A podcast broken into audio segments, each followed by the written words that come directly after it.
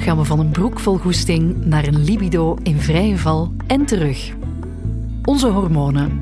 Het ene moment kunnen ze lelijk huishouden, dan stormt het in ons hoofd en in ons lijf. Het andere moment zwingen ze dat het een lieve lust is. En dan kunnen we de wereld aan. Ik ben Kirsten Lemaire en je luistert naar Rebellen tussen de lakens. Een podcast over vrouwen, hormonen en seks.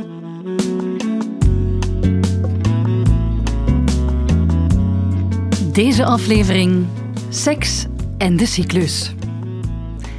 Naast mij zitten Rebecca en Astrid. Astrid, welkom. Dank u. We vliegen er meteen in. Hè. Hoe oud ben jij? Ik ben 27 jaar. En waar ben jij zoal mee bezig overdag?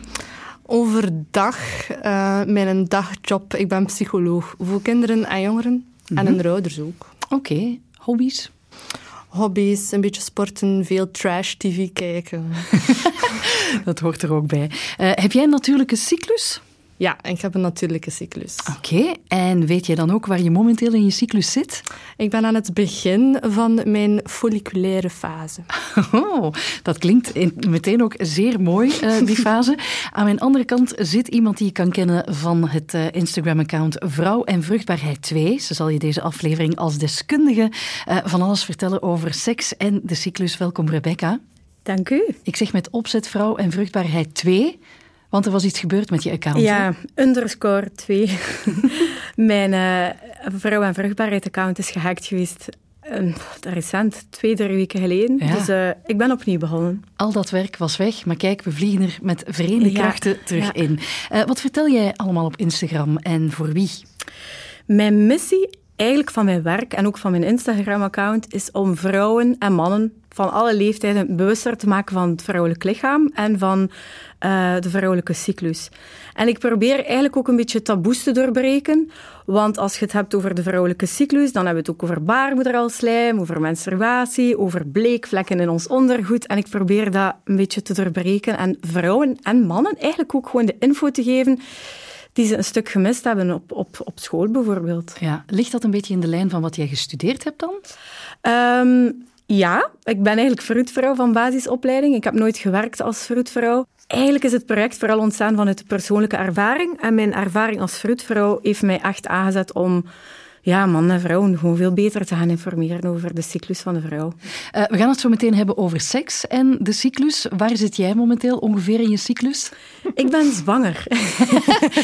Als je gewoon luistert, kan je dat niet ja. zien. Natuurlijk proficiat. Dank u wel, dank ja. u wel. Um, ik ben op dit moment twee, 22 weken zwanger, maar ik vind het wel grappig dat je het vraagt, want op het moment dat ik zwanger was, besefte ik uh, ja, ik was dolgelukkig.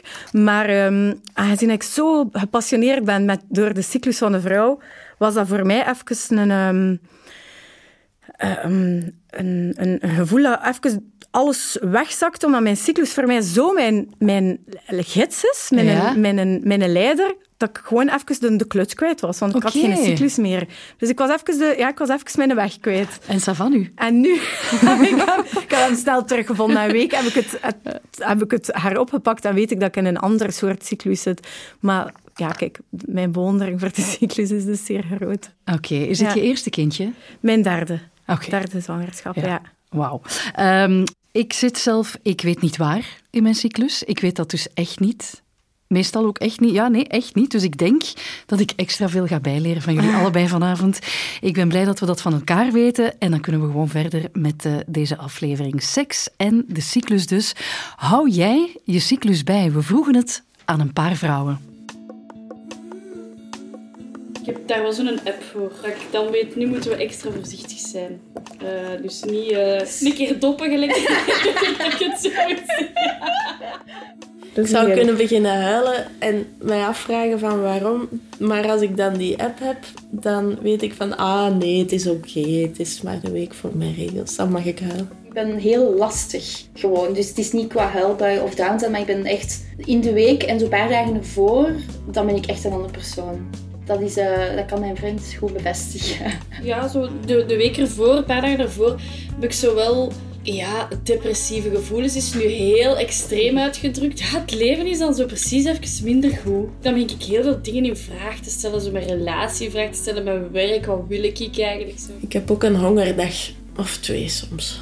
Dan kan ik van begin tot einde gewoon eten. Ik heb meestal een week op voorhand dat mijn borsten echt heel veel groter worden. Dat scheelt zeker met, na mijn regels, zeker een hele maat of zo. Dus zo echt die moedswings waar we ook al over gesproken hebben. Ehm, maar op echt extreme niveaus wel.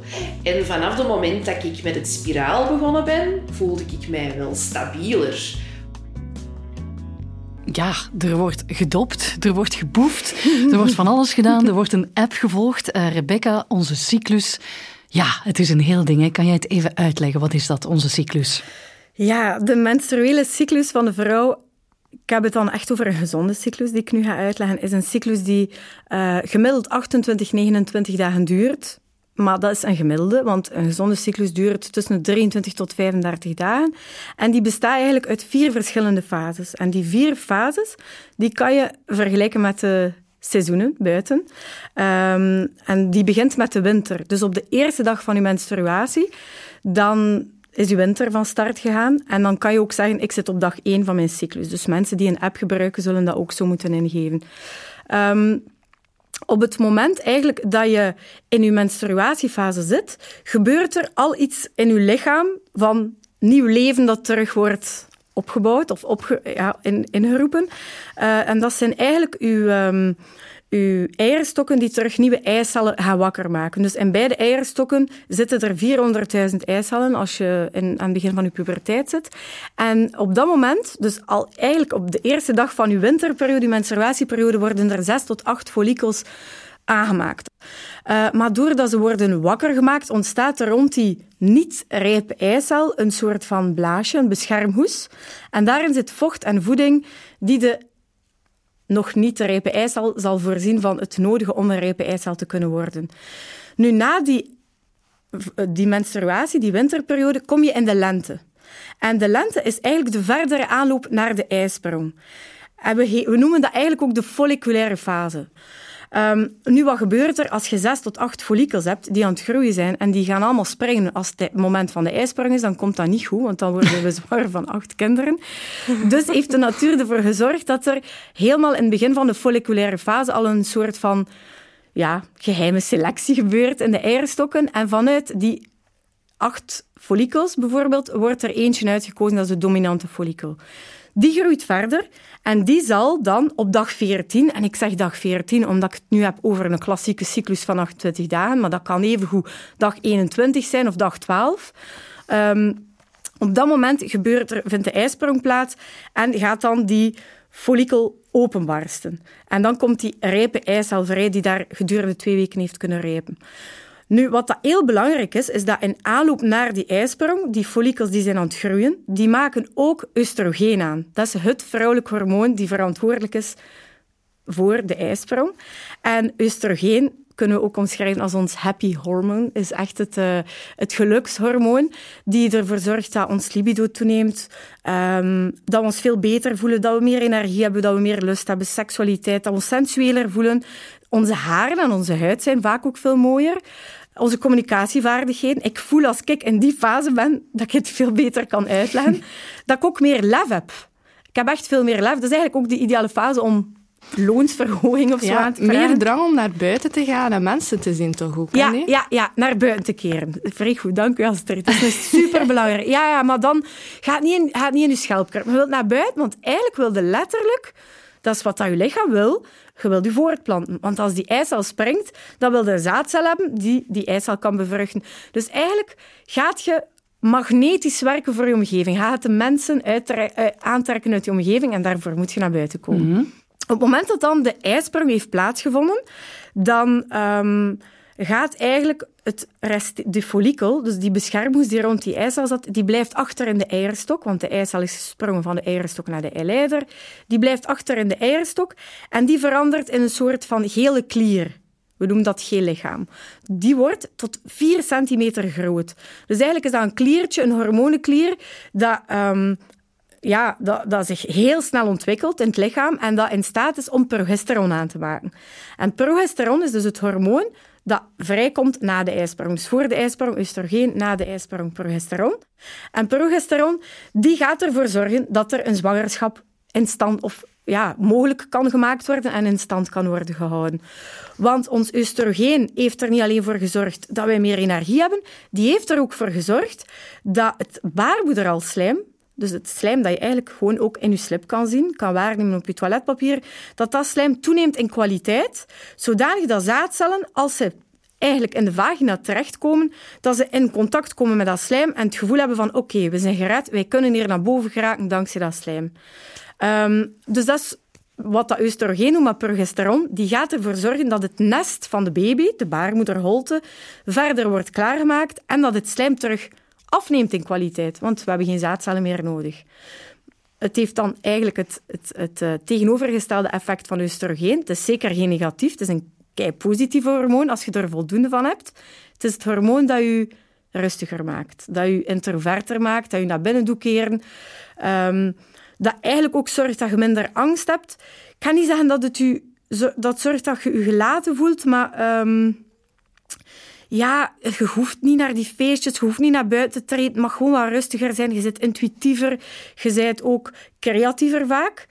Maar je kunt ook heel goed reflecteren. Dat is vaak in die periode dat vrouwen beginnen... Ik hoorde daarnet iemand zeggen, ik twijfelde over mijn relatie. Maar je bent dan in een periode dat je veel gevoeliger bent, kwetsbaarder bent.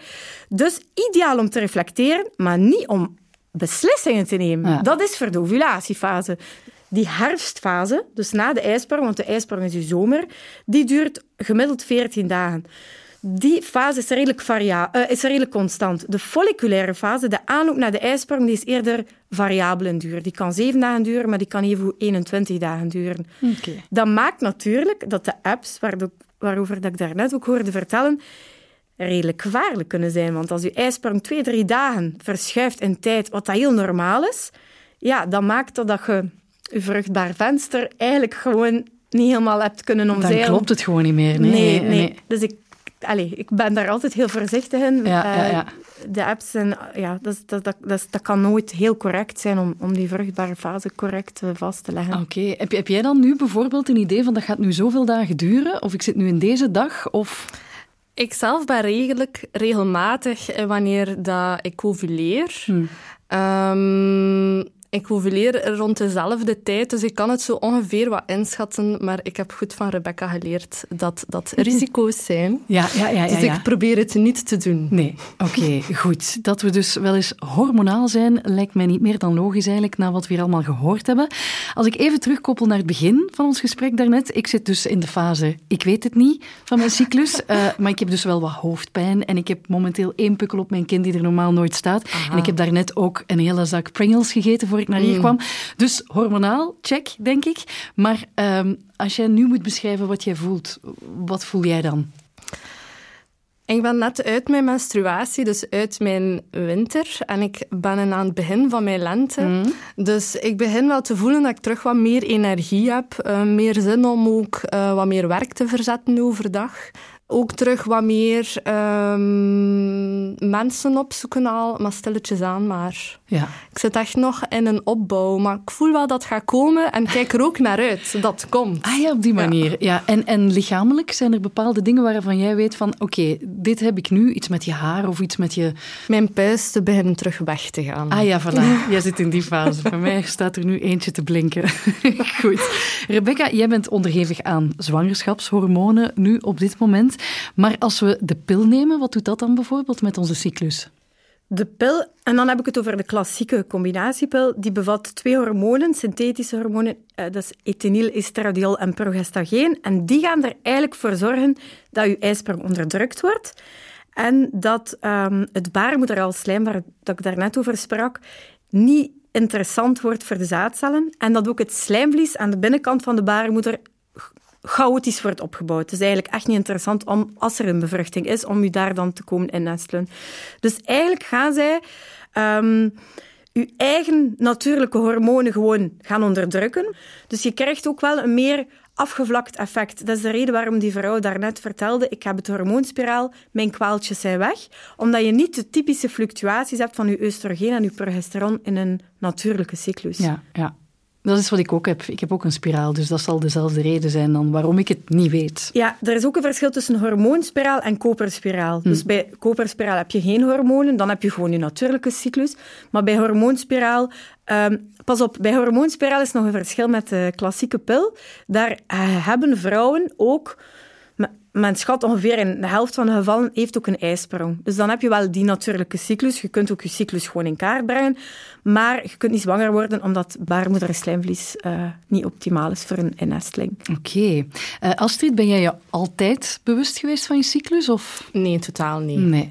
Eh, Van het moment dat ik eh, begon te vrijen met mijn eerste lief, toen nog niet mijn lief, ehm, ben ik eh, aan eh, mijn ouders een pil gaan vragen. Eh, en daarvoor was ik zeer onregelmatig, hield ik daar ook totaal geen rekening mee. Ik wist ook niet wanneer dat ging komen bij menstruatie. En ik heb eigenlijk zeer lang hormonale anticonceptie genomen. Ik ben heel hard zoekende geweest naar wat dat bij mij paste. Een pil, ik ben daar echt te nonchalant voor. Ik, ja, een dag niet, een dag wel. Wat is de kans? Ja. Ik heb ook een Nuva-ring gebruikt. Dat was beter voor mij, omdat daar wat meer regelmaat in zat. Maar ik moet wel zeggen, sinds dat ik daarvan afgestapt ben, ehm, voel ik mij precies wakkerder.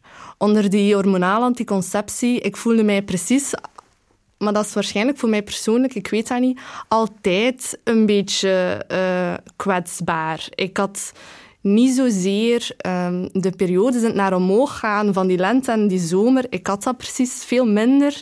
Ik voelde mij eigenlijk altijd een beetje in, in, in die luteale fase, in een herfstfase. Ja, een beetje Persoonlijk. afgevlakt zo. Ja, afgevlakt. ehm, veel, allee, emotioneel kwetsbaarder vind ik zelf ook. Ja. En ik ben dan nu heel blij ehm, met daarvan af te stappen. Ja, goed, die, die luteale fase is daar nog wel, maar ik kan daarop anticiperen, kan daarmee omgaan. En ik heb ook die lente en die zomer. En ik ben daar heel, heel dankbaar voor. Ja, dus ik, ik hoor jou zeggen, je cyclus is een zegen. Bij mij is mijn cyclus een zegen. Ja, Ja. oké. Ik heb echt een cadeau van een cyclus ook. Een cadeau van de cyclus. Dat is waar. Telkens met een streekje er rond. Elke maand Ja, eh, is het Zo feest. voelt het wel. Pas op, elke vrouw heeft daar recht op. En elke vrouw kan het hebben, maar het, is, het wordt soms ehm, als een evidentie gezien dat je pijn hebt, dat je je chagrijnig voelt, neerslachtig, maar eigenlijk is het niet zo. Nee. Elke vrouw mag een, kan een normale cyclus hebben. Rebecca, de bewustwording van de cyclus, dat is iets wat jou ja, heel nauw aan het hart ligt. En jij organiseert daar ook van alles rond. Hè? Leg eens uit. Ja, ik organiseer workshops waar dat ik gewoon heel duidelijk of heel eenvoudig de, de menstruele cyclus uitleg en welke lichaamssignalen ons lichaam ons uitstuurt om ons te vertellen of dat we vruchtbaar zijn of niet. Maar daarnaast heb ik ook eh, heel wat één-op-één consultaties waarbij dat ik vrouwen gewoon de menstruele cyclus uitleg. Ehm, en uitleg hoe dat ze hun eigen cyclus in kaart kunnen brengen met behulp van de Sensiplan-methode, zodat ze in staat zijn om hun vruchtbare en hun onvruchtbare dagen te bepalen, te Oké. identificeren. Wat is dat voor iemand die daar nog nooit van gehoord heeft? Wat is het? Sensiplan is eigenlijk een, een vorm van, je zou het kunnen zeggen, een vorm van natuurlijke anticonceptie, maar het is eigenlijk een, een manier, ehm, ja, een methode die gebaseerd is op vruchtbaarheidsbewustzijn. Dus doordat je je subjectieve, sorry, uw objectieve lichaamssignalen, baarmoederhalslijm, baarmoedermond, daar heb ik het nog niet over gehad, maar dat is ook een belangrijke, en eh, basale lichaamstemperatuur dagelijks gaat gaan observeren en in kaart gaat brengen. En aan de hand van hele strikte, specifieke sensiplanregeltjes uw vruchtbare en uw onvruchtbare dagen eigenlijk gaan bepalen. Dus het is niet aan de hand van een app. Je leert echt doorheen vier sessies, vier sessies van twee uur, uw signalen allemaal tracken en op een correcte manier interpreteren om zeker te zijn dat je eh, een zwangerschap kunt vermijden, maar evengoed kunt nastreven. Oké, dus allerlei middeltjes, allerlei dingen die je moet doen. Wat is dat dan? Je temperatuur meten? Eh, wat nog? Ja, eh, dat is dagelijks uw eh, basale lichaamstemperatuur meten en dagelijks uw baarmoederhalsslijm observeren. Dus dat is de observatie. En dan moet je het nog interpreteren, moet je nog de correcte regels toepassen om te zien van ja, maar wat wil dat hier nu allemaal zeggen, die temperatuurcurve en dat slijm. En, en wat is dat dan, die temperatuur meten? Is dat 's morgens als je opstaat? Is dat 's avonds? Of wat is dat dan? Ja, s'morgens voor je opstaat, altijd drie minuten, Dus in plaats van een bril te pakken naast je op nachtkastje, pak je eerst de, temp- de, de, Ja. de thermometer en gaan we Exact zo, meten. exact zo, Ja, exact ja, zo. Oké. En dus dat- dat- dat- heel praktisch, hè? Dus dat ding ligt daar, hè? De dat thermometer. ligt daar, soms drie ligt minuten. het er niet. Soms ligt het er ook niet en, dan, wordt er het gevloekt. een probleem. Eh, maar meestal ligt het daar even grabbelen en een wekkertje gaat af. Ehm, en dan neem ik mijn temperatuur. Ja, Soms val ik in slaap terwijl ik mijn temperatuur neem. ja. Meestal slaap Het mag ik... maar drie minuten. Het mag maar drie minuten, maar ik heb een speciale thermometer, dus ook voor de minder attente dames zijn er thermometers die standaard drie minuten meten en daarna stoppen met meten of daarna een piepje geven.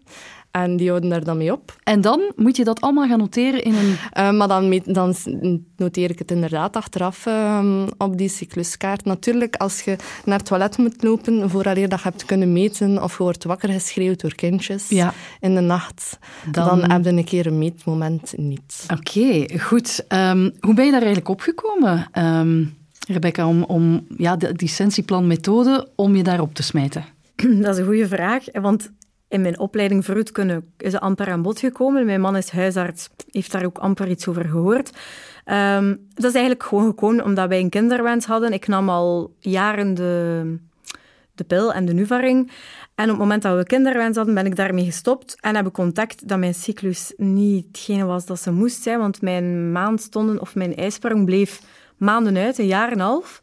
En dat heeft mij wel echt in actie gezet. Ik ben wel wakker geworden. Ik ben mij nadenken van, maar allee, hoe, is, hoe kan dat nu? En ik krijg medicatie gewoon om mijn cyclus op te wekken.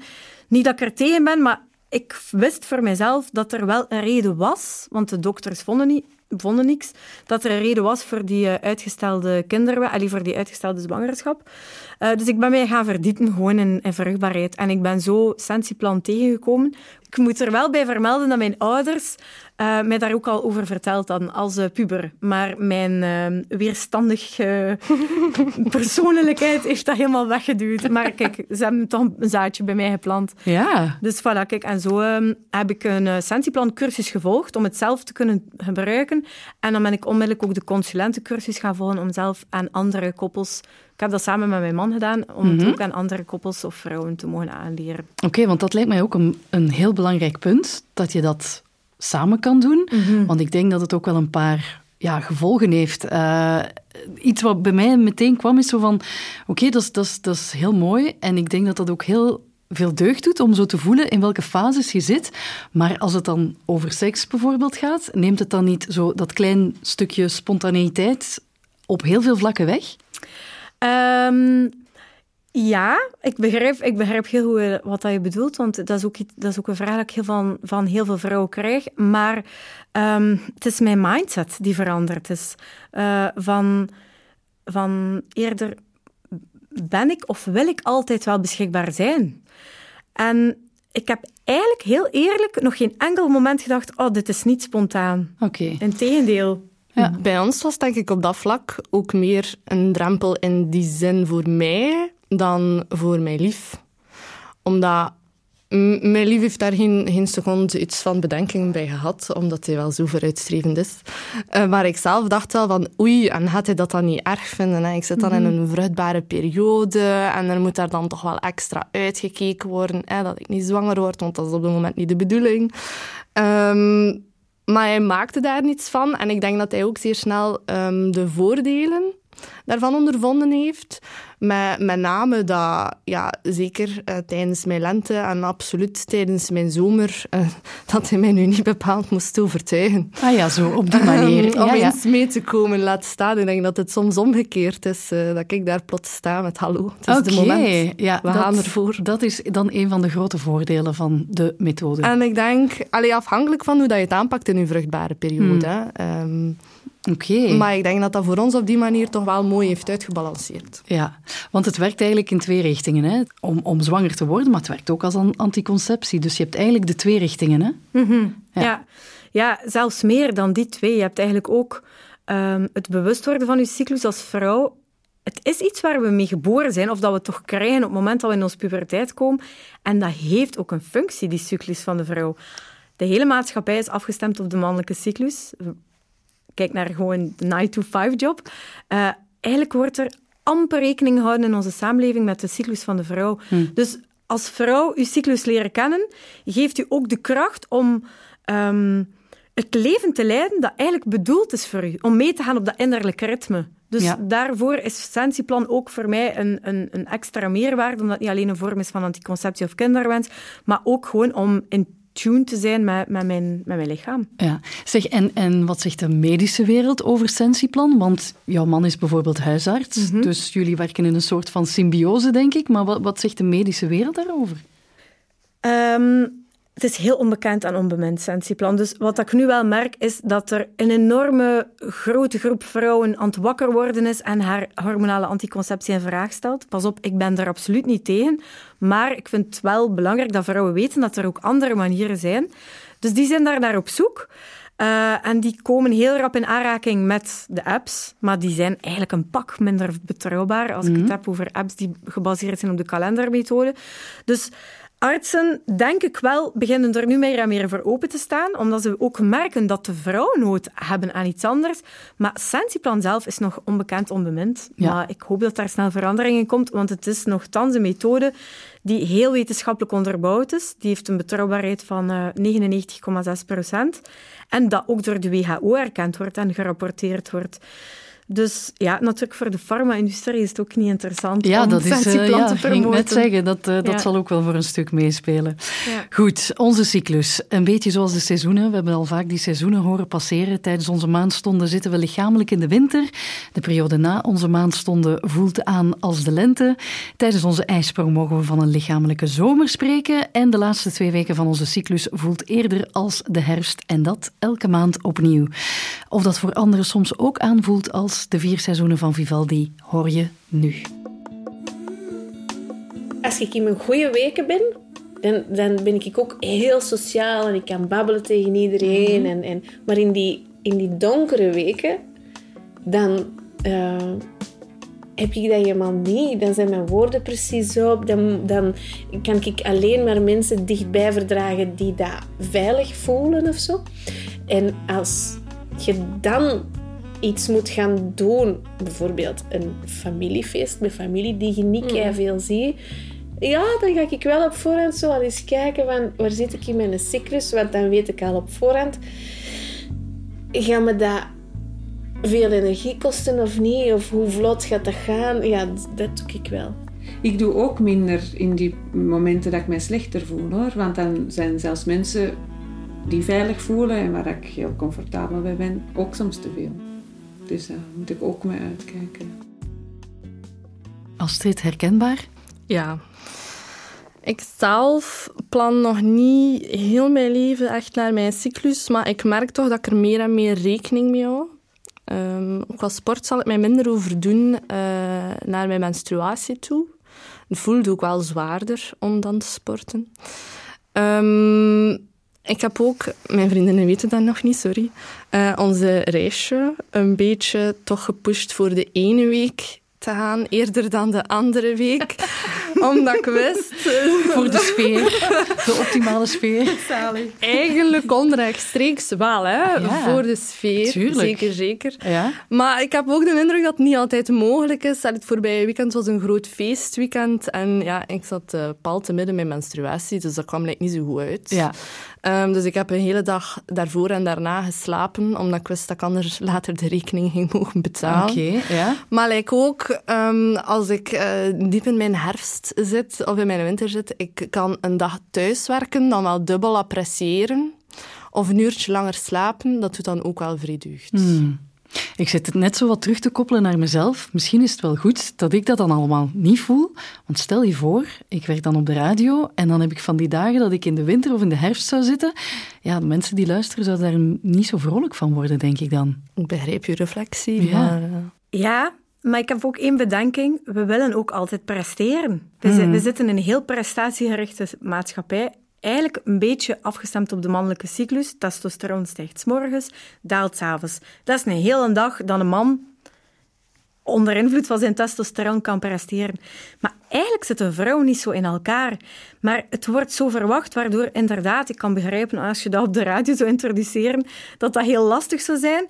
Maar als alle vrouwen dat zouden kunnen toelaten. En ik heb het niet over winter, herfst, je moet in je bed kruipen. Nee, je moet ook nog altijd een gebalanceerde cyclus hebben. Maar dat je dan de kwaliteiten inzet um, in die fase, omdat je dan bijvoorbeeld intuïtiever, gevoeliger bent en dat je die kwaliteiten kunt inzetten in je job, dan gaat het op een andere manier uitblinken dan heel goed te kunnen communiceren en te kunnen vertellen. Hmm. Dus ik denk dat het ook een beetje ligt aan het feit dat, van wat er van ons verwacht wordt. Want ik, vind dat, ik snap Astrid volledig van die reis, want ik zou, ook, dat, ik zou dat ook waarschijnlijk zo doen. Maar dan vraag ik mij toch af van, ja, maar ik heb ook mijn kwaliteiten als ik in, net in die fase zit na mijn ijsprong. Ja, Maar er wordt constant verwacht van ons dat we presteren en dat we op, ons, op onze top zitten.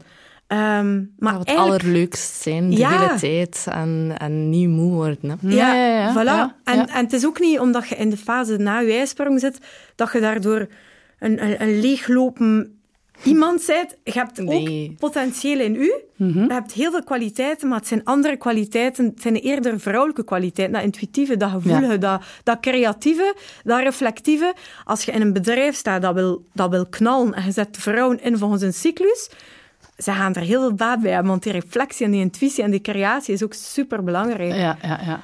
Maar dus, jouw vriendinnen weten het nu van het weekend, maar eh, weten ze het anders? Ik bedoel, licht jij je omgeving in van ik voel me nu zo en zo? Um, ja, annoyingly so. Um, ik heb het daarnet nog verteld. Ik uh, zeg het uh, tegen mijn collega's soms ook. Ja. Kan, kan je zo één voorbeeld misschien noemen van een moment waarop je misschien zelf dacht... Kijk, daar, dit moment een loonsverhoging of iets anders, iets heel groots, waar je van dacht, dat ga ik nu sparen voor die periode, want dan ga ik echt, dan ga ik er, dan ga ik er helemaal voor gaan. Ja, soms heb ik wel moeilijke gesprekken binnen mijn job met ouders, uh, binnen aangename boodschappen om te geven. Uh, en die probeer ik wel, als dat gaat, in de mate van het mogelijk naar urgentie toe en zo, in te plannen uh, op zo'n moment. Dat ik hmm. denk, of dan denk ik toevallig, ah, joepie, het is dan. Want ik ga, mij, allee, ik ga mij op dat moment ook sterk voelen in de gesprekken. En, en uh, ik ga juist mijn meest communicatieve kant daar kunnen tonen. Ja, dat, ja. En dan, uh, dan werkt dat inderdaad. Dat is iets wat, wat jij waarschijnlijk in je praktijk dan heel veel ja, kan aanbevelen aan mensen? Is dat iets wat jij ook, ook stuurt als, het, als je mensen uitlegt van wat Sentieplan is en wat alle voordelen daarvan zijn? Maar initieel, als mensen bij mij komen, is dat om de Sentieplan-methode te leren kennen, zodanig dat ze weten wanneer ben ik vruchtbaar, onvruchtbaar, mm. op een betrouwbare manier. En dan laat ik het aan hun. Zijn ze geïnteresseerd om te leren leven volgens een cyclus of om die verschillende fases beter te leren kennen? En meestal willen vrouwen dat wel. Dat is vaak ook de reden waarom dat ze Sentieplan willen uh, toepassen, niet alleen voor anticonceptie. Um, ja, want dat het voordelen oplevert, dat is wel gebleken. Ja, absoluut. Eigenlijk als je als vrouw um, leeft volgens je cyclus, dus dat je echt herkent, dit is die fase, dit is die fase, dat zijn mijn specifieke behoeftes, dat zijn mijn specifieke valkuilen, want je hebt ook valkuilen. En als je daar rekening mee leert houden, dan gaat je mee met je innerlijk ritme en niet met het ritme van de maatschappij. Je werkt niet tegen jezelf in, maar je maakt het je het leven makkelijker. En dat is daarom, als ik zwanger was, dat ik even de kluts kwijt ja, was. zo van, wat gebeurt er nu? Mijn, mijn innerlijke kalender is even weg. ja. ja. Ik kan daar wel op zeggen, uh, omdat we het ook hebben, ja goed, je hebt de ups hè, in je lente en in je zomer en dergelijke. Er zijn dan ook wel de downs. Ja, god, dat is dan misschien geen cadeau. Maar het is wel, like hoe dat Rebecca zegt, als je jezelf een beetje kent in je hersenen, in je winter, en je forceert je ook niet, en je doet eigenlijk wat dat op dat moment goed voelt voor u, dan voel je je ook helemaal zo slecht niet op die momenten. Of uh, dat je om de twee stappen kunt beginnen wenen of zo, verre van. Ik heb het gevoel dat dat pas is als je in die fases forceert. Dan ja. Maar als je goed rekening kunt houden met jezelf en doet wat dat goed voelt, dan zijn dat ook momenten waarop dat je eigenlijk perfect goed in je vel kunt zitten. Oké. En ik denk dat we dat daarin, in dat verhaal, dan ook niet het oog mogen verliezen. Ja. Nee, dat is heel belangrijk wat je zegt. Want vrouwen, alleen de vrouwen die ik toch ontmoet, en inclusief mezelf, wij verwachten heel veel van onszelf. We willen een goede moeder zijn, een goede partner, we willen sport, we willen goed koken, we willen een goede job. Wij leggen ons zelf echt keihard veel op. En dan kunnen rond uw ovulatie misschien bolwerken. Maar de andere fases moet u dat zelf cadeau doen om, het, om te luisteren naar uw behoeftes. Heel interessant. Heb je soms last van PMS of premenstrueel syndroom? Ah, vroeger eigenlijk meer dan nu. Hm. Omdat ik er ik kan het beter plaatsen. Het voelt minder als een last. En ik moet zeggen, de keer dat ik dacht, oei, nu ben ik wel echt aan het PMS'en, is eigenlijk al een paar cycli geleden. Oké. Wat doe ik nog premenstrueel? Ja, eten. Alles, alles opeten. Alles. Ja, ehm, wat meer eh, hangen aan mijn vriend. Ook. Zodat- Eh, wat meer een knuffel nodig hebben. Of wat meer zo mij echt zo ostentatief vleien van hallo, ik ben hier, geef mij aandacht. Maar voor de rest eigenlijk zeer weinig. Wat moer, ja, maar niets buiten het normaal eigenlijk. Vroeger veel, veel feller. Veel feller. Ja. Ja. Want Rebecca, wat is PMS? Ja, want wat Astrid aangeeft is oké, hè? is gezond, zolang dat het je levenskwaliteit niet beïnvloedt. PMS betekent dat je eigenlijk een set hebt aan lichamelijke en of emotionele symptomen. En ik denk dan aan acne, aan food cravings, aan hoofdpijn, aan neerslachtigheid, depressiviteit, opgeblazen gevoel. Allee, één van die. Eh, en als dat in die mate aanwezig is, dat je zegt van dit beïnvloedt echt mijn levenskwaliteit, dan, dan is het niet oké. En wat bedoel ik met niet oké? Ehm, uw hormonale cyclus of uw hormonen in uw menstruatiecyclus zijn niet in balans. Eigenlijk oestrogeen en progesteron, je moet dat zien als twee danspartners, die moeten een schone dans opvoeren en dat gaat enkel als zij mooi afgestemd zijn op elkaar en mooi in balans. Als het ene te veel aanwezig is of het ander laat zich niet genoeg glijden, dan krijg je eigenlijk een cacophonie en dat kan zorgen voor die premenstruele klachten. En een van de beste aanpakken is om te leren leven volgens je cyclus al. Dat je niet forceert, zoals Astrid zegt, in de momenten dat je lichaam eigenlijk geen behoefte heeft om het gewoon zo te pushen. Dus dat kan al heel veel doen als een vrouw die klik maakt van ik ga luisteren naar wat dan mijn behoeftes zijn op dat moment. Ehm, maar is ook, maar dat is dan al diepergaand, dat zou dan al een aparte podcast moeten zijn. Maar dat is echt kijken van hoe kan ik mijn progesteron en mijn oestrogeen op een positieve manier ehm, onderhouden in mijn lichaam. Dat er een mooie balans is tussen die twee. Ja, is, is daar een zicht op van hoeveel procent van de vrouwen heeft last van PMS? En heeft iedereen dat? Eh, wel, eigenlijk zijn er maar ongeveer 10 tot 20 procent van de vrouwen die het hebben en daarvoor medisch advies zoeken. Maar vanuit studies en ook vanuit mijn ervaring in de praktijk, 80 tot, tot 90 procent heeft kwaaltjes in Ja. de, de periode voor haar menstruatie. Ja, dat maar het is... wordt genormaliseerd. Ja, en dat is een beetje dat. jammer. Ja, ja, ja. Er bestaat ook zoiets als PMDD. Wat is dat en hoe krijgen we het? Ja, PMDD is eigenlijk de ernstige vorm van PMS. Staat voor ehm premenstrueel eh, dysphoric disorder. Dus dat is echt een happy tot en met. Hè. Dus dan, dan heb je echt last van premenstruele klachten zoals angst, ehm, neerslachtigheid, depressiviteit, maar in een heel ernstige vorm. Dat komt gelukkig niet zoveel voor, 3 tot 8 procent. Allee, ik vind dat wel nog veel hoor, pas op, maar ik bedoel in vergelijking met PMS. 3 tot 8 procent en dat wordt meestal behandeld met antidepressiva. En ik heb ook in mijn praktijk al vrouwen gehad, vooral met angststoornissen, in een erge vorm, dat ze antidepressiva nemen. Die moeten goed begeleid worden. Je kunt die niet zomaar van de antidepressiva zetten. Dat moet altijd in samenspraak met een arts gebeuren. Maar dat ze zijn beginnen leven volgens een cyclus. En dat ze ook eh, naast dat, dat we gaan kijken zijn naar de oorzaken van die, die hormonale balans, oestrogeen en progesteron. En dat dat wat tijd vraagt. Dat is niet zo snel opgelost als met antidepressiva, maar dat ze hebben kunnen afbouwen. En dat ze terug zijn kunnen gaan naar een gezonde cyclus zonder die ernstige klachten. Oké, Astrid, zijn er zo dingen die jij doet als je nog die PMS voelt opkomen, om dat te verlichten, bepaalde kleine trucjes of hacks die jij hebt? Goh, gewoon mij er ook niet zo fel in opjagen. En gewoon de druk af de ketel laten. Oké, eh, ik ben nu eh huilerig. eh, weet wel, het is niet erg. Ga een beetje wenen. En daarna gaat het misschien ook wat beter gaan. Eh, Oké, ik heb nu zin om... pff, dat is misschien overdreven, maar drie keer op de dag frieten te eten. Weet, eet dan drie keer op de dag frieten. En het gaat dan ook weer overgaan. Maar slapen en eigenlijk rust nemen Ja. is het voornaamste wat ik doe. Die cyclus van ons, hè, die biedt ons heel wat voordelen en nadelen, maar hoe zit het nu met seks? Beïnvloedt onze cyclus ook ons libido? We gooiden het in de groep. Ja, dat gaat zo. Zo'n stille, vlakke lijn en dan wiep. En dan is dat weer Wiep naar boven of naar beneden? wiep naar boven. Ook vlak voor mijn regels. Eigenlijk gebeurt alles voor mijn regels in de week ervoor. Ah, meer goesting voordat je regels Even, hè? Echt? Even, hè? En dan moet je ervan profiteren, want het is weer voorbij. Ah, bij mij is dat andersom. Voor mijn regels moet er niemand aan mijn lijf komen. En dan daarna vanaf die gedaan zijn, en dan, gaat dat, dan stijgt dat in de piek tot, tot in de tweede week of zo, heb ik superveel zin van u. Ik heb twee pieken eigenlijk. Eén dat met een ijsprong en dan één dat met regels nog eens. Tijdens ben ik echt Ja. een geil... eh, Allee, varken Ja. ik zeggen, maar geil, super geil. Tijdens je menstruatie. Ja, niet normaal. Ja, dan heb ik ook, ben ik ook wel geiler, om het Ja. te zeggen. En dan denk ik altijd, godverdomme, hè. Jij hebt een hoge libido als je je menstruatie Ja. hebt. Dan zit je echt een eeuwig konijn. Ja, tijdens de menstruatie. Tijdens de menstruatie. Je zegt juist van ja, dan, dan, dan, ja, Ja, dan neemt maar het ook ook- de pijn weg. Ja. Ah, ja zo. Want wij... wij Klaarkomen neemt bij menstruatiekrampen weg.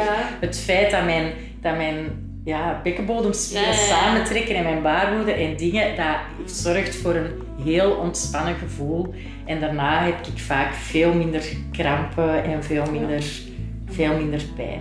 Ik, ik denk wel, hoe meer seks of hoe meer orgasmes, hoe meer Goesting, dat denk ik Dat geloof ik ook. En hoe minder dat je daarmee bezig bent, hoe, hoe meer dat dat wegblijft. Ja, van alles, hè. Twee pieken tijdens de menstruatie, tijdens de ijsprong, alle facetten komen hier aan bod. Eh, Rebecca, een natuurlijke cyclus, heeft die effect op onze seksualiteit? Absoluut. Als we echt enkel naar de cyclus nu kijken, want er zijn heel veel andere factoren die de seks ook, be- seksualiteit ook beïnvloeden. Ehm, maar eigenlijk, ik vond het grappig dat er hier vooral aan bod kwam tijdens de menstruatie. Dat is ook zo. Maar meeste vrouwen dat ik ontmoet zeggen tijdens de ijsprong. Ja. Maar het is, het is inderdaad zo dat rond de ijsprong eh je oestrogeen neemt toe. En ook je testosterongehalte neemt toe. Dus je lustgevoelens nemen toe. Je hebt, je voelt je ook sensueler, je voelt je ook gewoon se- seksueler. Eh, dus die aanloop naar die ijsprong zorgt voor een toename in, in je libido. Neemt dan terug af. En waarom terug rond je menstruatie? Dat is eigenlijk omdat op het moment van je menstruatie zijn je oestrogeen en je progesteronconcentratie op een heel laag pitje. Waardoor dat je testosteron, die neemt niet toe, maar die is verhoudingsgewijs weer wat sterker aanwezig. Dus dat zorgt er ook voor ehm, dat veel vrouwen dan ook meer zin hebben in seks. Plus ze zijn eigenlijk ook heel kwetsbaar. Eigenlijk zijn ze wel kwetsbaar. Natuurlijk, als je je niet lekker voelt in je vel, je hebt pijn, dan is dat het laatste waar dat je aan denkt. Dus de meeste vrouwen die dat daar rapporteren, zijn degenen die zich wel redelijk stabiel voelen qua, qua lichamelijke klachten ook. Ja, wat als je dan nu vergelijkt met eh, iemand hè, die wel de pil neemt of andere hormonen neemt? Hoe, hoe zit het daarbij? Zo, die cyclus die dan toch anders aanvoelt, hoe, hoe zit dan de relatie met seks? Bij de pil is het zo dat, je hormonen allez, afgevlakter, je bent afgevlakter, dus dat is wel een belangrijk een, ja, een bijwerking die veel aan bod komt. Dat vrouwen zeggen, mijn libido is echt niks meer. Aan de andere kant zijn er ook vrouwen die zeggen, door het feit dat ik de pil heb, voel ik mij heel beschermd, voel ik mij heel vrij om altijd seks te kunnen hebben. En dat heeft net een positieve impact. Dus je hebt het hormonale aspect, maar je hebt dan ook het, het, het, het ehm, hoe moet ik het zeggen, het... ehm, wat dat het doet met je relatie met u als persoon. Dat je vrijer voelt, dat je bevrijd, bev- allee, ja, dat je bevrijd bent. Ja, oké. Eh, Astrid, wat heb jij net gehoord dat jij herkende of zo? Ja, ik voel heel klassiek eh, een piek rond mijn ijsprong. Ehm, meestal, allee, in de rest van mijn cyclus durft mijn partner wel wat meer vragende partij te zijn. Eh, maar dan zijn de rollen omgekeerd. Eh, ik voel mij ook... ehm, ik heb veel meer lef rond mijn ijsprong. Ik durf daar dan echt iets mooi aan te doen en daar te gaan staan van hallo, hier ben ik, het gaat gebeuren. Ja, En wat ik daar ook in merk, is doorheen mijn cyclus dat de soort seks waar ik naar verlang, ik ging net zeggen. eigenlijk Ja. ook mee verandert. Rond mijn ijsprong wil ik echt die penetratie. Aha. Heel de dag door, bij wijze van spreken, verlang ik naar die penetratie. Maar als ik eerder dan, dan ehm, in mijn luteale fase ben, of in mijn herfst, dan verlang ik ook nog altijd naar seks. Maar dan zijn al de randdingen ook veel interessanter. En dan gaat het misschien net iets vaker ook om echt de, de intimiteit en dicht bij elkaar zijn en de rest van je lichaam daarin meenemen. Ja. En ja, die penetratie is daar dan dikwijls nog wel, maar dat is niet meer... Het gaat erover dat jij in de watten wordt gelegd op dat moment. Ja. Zeg maar die ijsprong. Ehm, hè, iedereen is hoera, het is ijsprong, het is van dat. Hè. We, we, we, voelen alles, eh, we willen ook alles op dat moment, maar dat is eigenlijk maar een heel kort moment, toch? Ja. Jammer genoeg. Ja, En eh een eicel heeft gemiddeld 12 tot 18 uur, maximum 24 uur. Dus één dag. Ja. Eh, dus wij zijn als vrouw één dag vruchtbaar op onszelf, maar gemeenschappelijk zijn we zes dagen vruchtbaar, want een zaadcel kan tot vijf dagen overleven in het Ja. lichaam van de vrouw. Maar er is een build-up, hè. Het is niet dat dan... Allee, in mijn ervaring toch, dat je dan één dag in de volledige cyclus daar een keer klaar en paraat staat. Ver van. In die opbouw van mijn lente, je ziet dat duidelijk. Ja, in het begin kom al op gang. Maar goed, je profiteert ook nog van een onvruchtbare dag.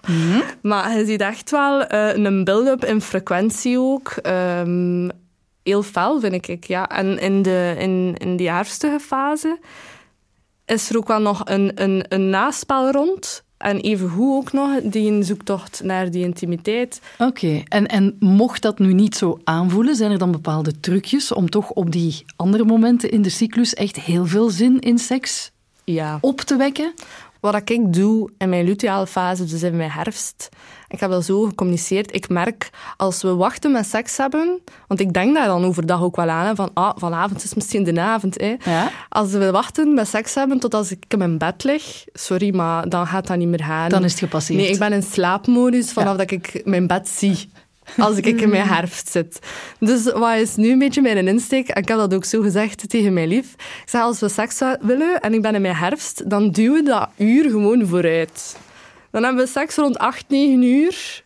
Soms zijn er kindjes. Dan hebben we seks als de kindjes net in hun bed liggen. En dan is dat het moment. Dan is dat ook een keer bijvoorbeeld niet per se in bed, maar in een zetel, waar dat we dan... Ja, soms is mijn vruchtbare periode al gepasseerd en dan heb ik dat condoom terug niet nodig. Dus dan is Ja. daar weer die een hoera van ah, we kunnen dat achterwege laten, we moeten er niet meer aan denken, we gaan er ook voor gaan. Dus zo Oké. heeft elke fase wel zijn perks, hoor. Ja, en eh, heel belangrijk, want je zegt het nu ook, de partner betrekken bij Ja. heel het Ja, gegeven. ik ging je ook zeggen dat communicatie heel belangrijk is. Dat je daar open met je partner over spreekt. En als je eigenlijk wil leren leven volgens je cyclus, of die anticonceptiemethode gebruikt, dat je partner daar echt moet achter staan.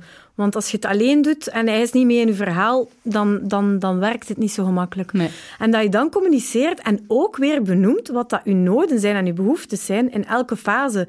Daar waar de Astrid zegt, die penetratie, ga hij zin hebben in, in, in, uw, in uw herfst of in uw winter voor meer andere vormen van intimiteit. Ga je, ga je misschien meer een voorspel nodig hebben van, van een half uur, elkaar masseren, maar meer tijd nemen. Maar de vraag is ook, hoe prioritair is dat voor jullie als koppel? Ja. En dat terug in vraag stellen, herdefiniëren als koppel, daar gesprekken over voeren.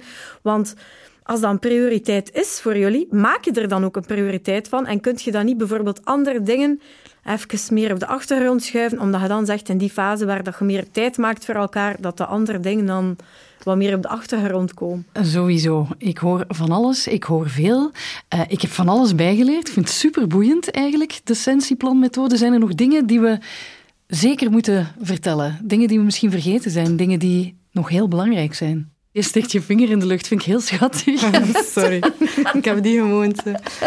Ik, ik wil nog toevoegen dat, allee, je merkt dat ook in het verhaal van Rebecca, een natuurlijke cyclus maakt eigenlijk seks nog op een andere manier een verhaal van u twee. Ook op een andere manier een, een meer gedeelde verantwoordelijkheid soms. Maar ik vind dat als het u niet dichter bij uw partner brengt, uw natuurlijke cyclus, dan brengt het u denk ik alleszins veel dichter bij uzelf. En ik denk dat dat ook voor mensen niet in relaties die meerwaarde wel kan geven. Ja. Ik denk dat dat heel mooi is om mee af te sluiten. Ja. Wat je nu net gezegd hebt. Ehm, Astrid, bedankt om je hart op je tong te leggen. en liefde. Rebecca, heel erg bedankt ook. Merci voor jouw deskundige inzichten. Graag gedaan. Je luisterde naar Rebellen tussen de lakens. Een podcast van Rebellen in samenwerking met het Geluidshuis. Onze gasten deze aflevering, Astrid de Vos en Rebecca Verhofstede. Host, Kirsten Lemaire. Concept, regie en redactie, Leen Renders. Research en redactie voor Rebellen, Lien Willaert en Sarah van den Broek. Jingle, Flor van Praat en Bram Kouwmans. Geluidstechniek, Bram Kouwmans en Olivier Marga. Met extra steun achter de schermen van Anne Smet, Marijke Gutes, Hebe van de Verre en Laura Buts. Heb je genoten van deze podcast? Laat dan een recensie na. Zo vinden anderen ook de weg naar deze podcast. Benieuwd wat Rebelle nog zoal doet? Surf naar rebellen-vzw.be of vind ons op Facebook en Instagram.